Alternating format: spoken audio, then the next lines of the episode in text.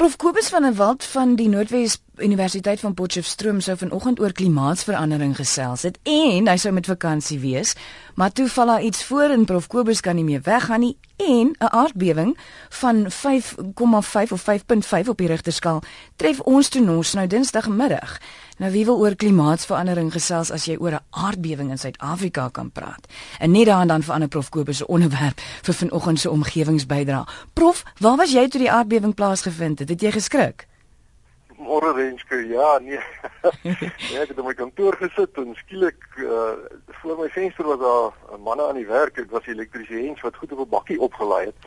En uh skielik hoor ek net iets wat klink soos 'n soos 'n trein. Die aarde het behoorlik gegrom.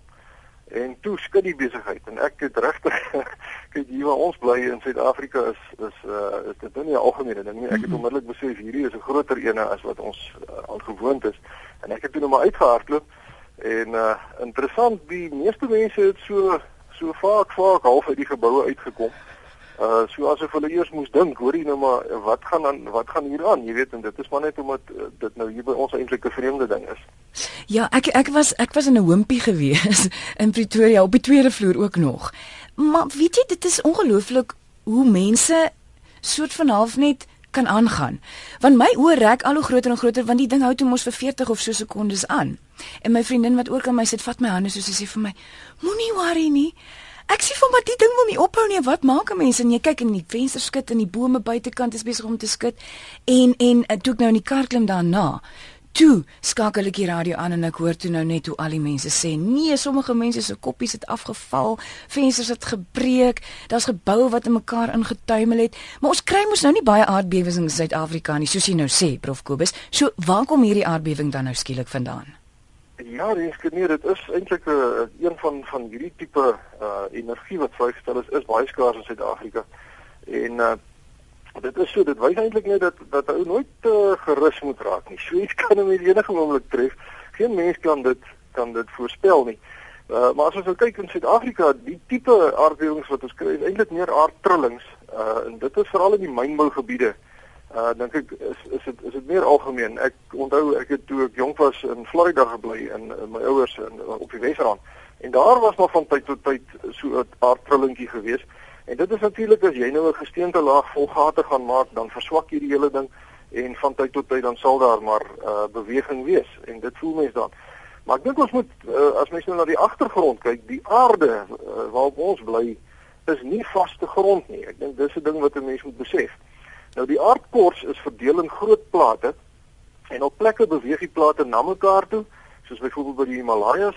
Op ander plekke beweeg hulle weg van mekaar af, soos wat jy op IJsland sien Ehm um, en ook die Groot Afrika Slinkdal en op ander plekke skuif die plate bymekaar verby soos uh, by die San Andreas verskywing in Kalifornië.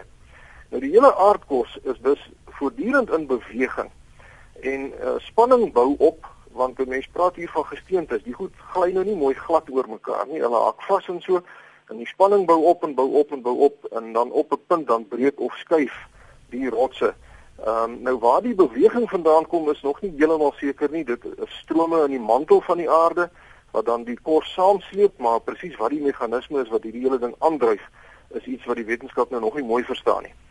Maar nou ja, die meeste spanning bou op by plaatgrense.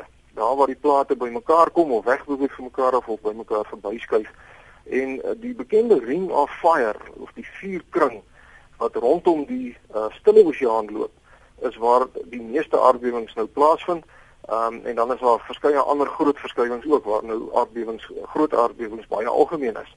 Uh die aardbewings uh, by Indonesië in 2004 en ook in Japan, die Fukushima eenheid het, het het by die uh, was deel van die Ring of Fire uh, uh verskywings uh, stelsel kan mens maar sê. Maar hier in Suid-Afrika is ons nou nie naby so 'n plaatgrens nie. Ons hoofveld is uh, geleë op die Kaapval kraton. Nou dit 'n kraton is 'n skiltgebied, is 'n baie ou stabiele gebied. Uh en en hier is nie hier is enkele verskuiwingslyne, maar hier's eintlik maar min beweging en min spanning in die aardkos. Maar dit beteken nie hier's niks nie. Hier is ook 'n paar verskuiwingslyne in Suid-Afrika en as mens nou kyk uh na die die die die strome in die mantel van die aarde uh en dan selfs die maan wat soos soos mense nou getye in die see kry, renske kry jy ook getye op land. Uh want die aardoppervlak waarop ons bly gaan twee maal per dag uh, het ons hoog uh, hoog water, kan mens maar sê hoog land as jy wil en laagland en die beweging kan tot 38 cm op en af wees ja. uh, by by plekke afhangende van waar jy nou bly. Maar goed, hierdie gedurende klomp kleiner bewegings in die gesteentes ehm um, en en rondom Suid-Afrika het ons dan ook nou die Mid-Atlantiese Oseaan rivier en so aan uh en die alles al hierdie klomp bewegingkies veroorsaak dan dat spanning opbou en dan op 'n dag dan word die spanning uh groter as wat die gesteentes kan weerstaan en dan breek die gesteente of hy skuif langs 'n verskuiwingsvlak en dan kry mens nou 'n aardbewing. Uh en dis maar wat hier gebeur het. Ons het 'n uh, spanning uh, wat opgebou het oor 'n lang tyd en uh, dis bloot op hierdie punt hier naby ook nie het hy toe nou besluit hy gee pad en toe skud die hele wêreld. Dis maar baie so 'n mens, nê? Nee? Mens mens kan ook net soveel vat en dan dan soos hulle sê, verloor jy jou koel. Cool. ja. maar daar was ook sprake dat dit kon gewees het as gevolg van die die suurwater onder in die ou myne. Ehm um, of dat dit as gevolg van mynaktiwiteit eh, sou gewees het, maar hulle het toe op die ou end het hulle toe besluit dit is toe nie dit nie, dit was toe nou net soort van 'n natuurlike verskynsel. Ja, kyk die aardbewing se episentrum was omtrent 10 km diep. Ja, dis wat ek gehoor en, het. Ja, en myne is is heelwat vlakker as dit die diepste myne in die wêreld is hier by ons in Suid-Afrika. Ons myners is is die bestes in die wêreld. En uh maar hulle kan tot so op 4 4.5 km kan hulle myn. Uh dan raak die druk eenvoudig te groot. Ah. En die probleme raak sodat die die die gate in die grond word eenvoudig die tonnels word eenvoudig toegedruk. So hierdie was nie mynverwant nie. Die mynverwante goed is gewoonlik kleiner trillingkies. Goed. Um, miskien net om op uh, perspektief te gee. Ehm um, jy weet die die lys van aardbewings op die internet net in 2014 was daar reeds amper 1000 soortgelyke aardbewings op aarde gewees, eh, die wat nou tussen 5 en 5,9 op die Richterskaal is. En 117 aardbewings was groter as die wat ons beleef het uh, Dinsdag. Uh dis nou as mens wêreldwyd kyk en as mens nou net na die kyk wat bietjie kleiner is tussen 4 en 4.9 het ons al meer as 8000 gehad uh, iewers op aarde. Uh so aardbewings is 'n baie algemene ding, die die soos ek aan die begin gesê het, die wat ons praat van vaste grond is toe nou glad nie so vas. So vas nie. So dit was dan nie so buitengewone aardbewing gewees nie. Vir ons ja. Uh, vir ons dis iets wat ons maar kan erken. In Suid-Afrika is dit een wat wat nou nie algemeen voorkom nie, een van 5.5 op die Richterskaal. Uh die wat wat uh, ons gereeld kry hierso in in Suid-Afrika dink ek is 4 of laer op die rigterskaal. Nou wat is die kans dat nog sulke aardbewings of selfs groter aardbewings vir ons kan tref? Wel, dis kyk, aardbewings is iets wat geen mens op aarde met met akkuraatheid kan voorspel nie. Ehm um, maar as mens kyk na die geologiese uh, toestand van Suid-Afrika, die hele geologie van Suid-Afrika, dan is dit is dit is ek baie dankbaar om te kan sê dat ons op 'n stabiele deel van die aarde bly uh, waar waar aardbewings nie algemeen voorkom nie. En die een wat dink ek uh, tussen 5 en, en 6 is omtrent uh, die grootste wat 'n mens sal kan kry in Suid-Afrika en selfs hierdie ene gaan uh, is 'n buitengewone een.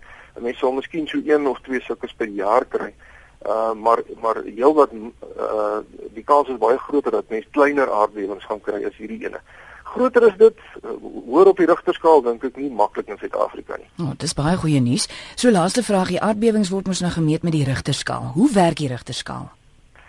Ja, goed, die rigterskaal is 'n logaritmiese skaal. Ehm um, en hy beskryf eintlik twee goed. Die eerste ene is die die beweging van die aarde, die heen en weer of die op en af beweging van die aarde.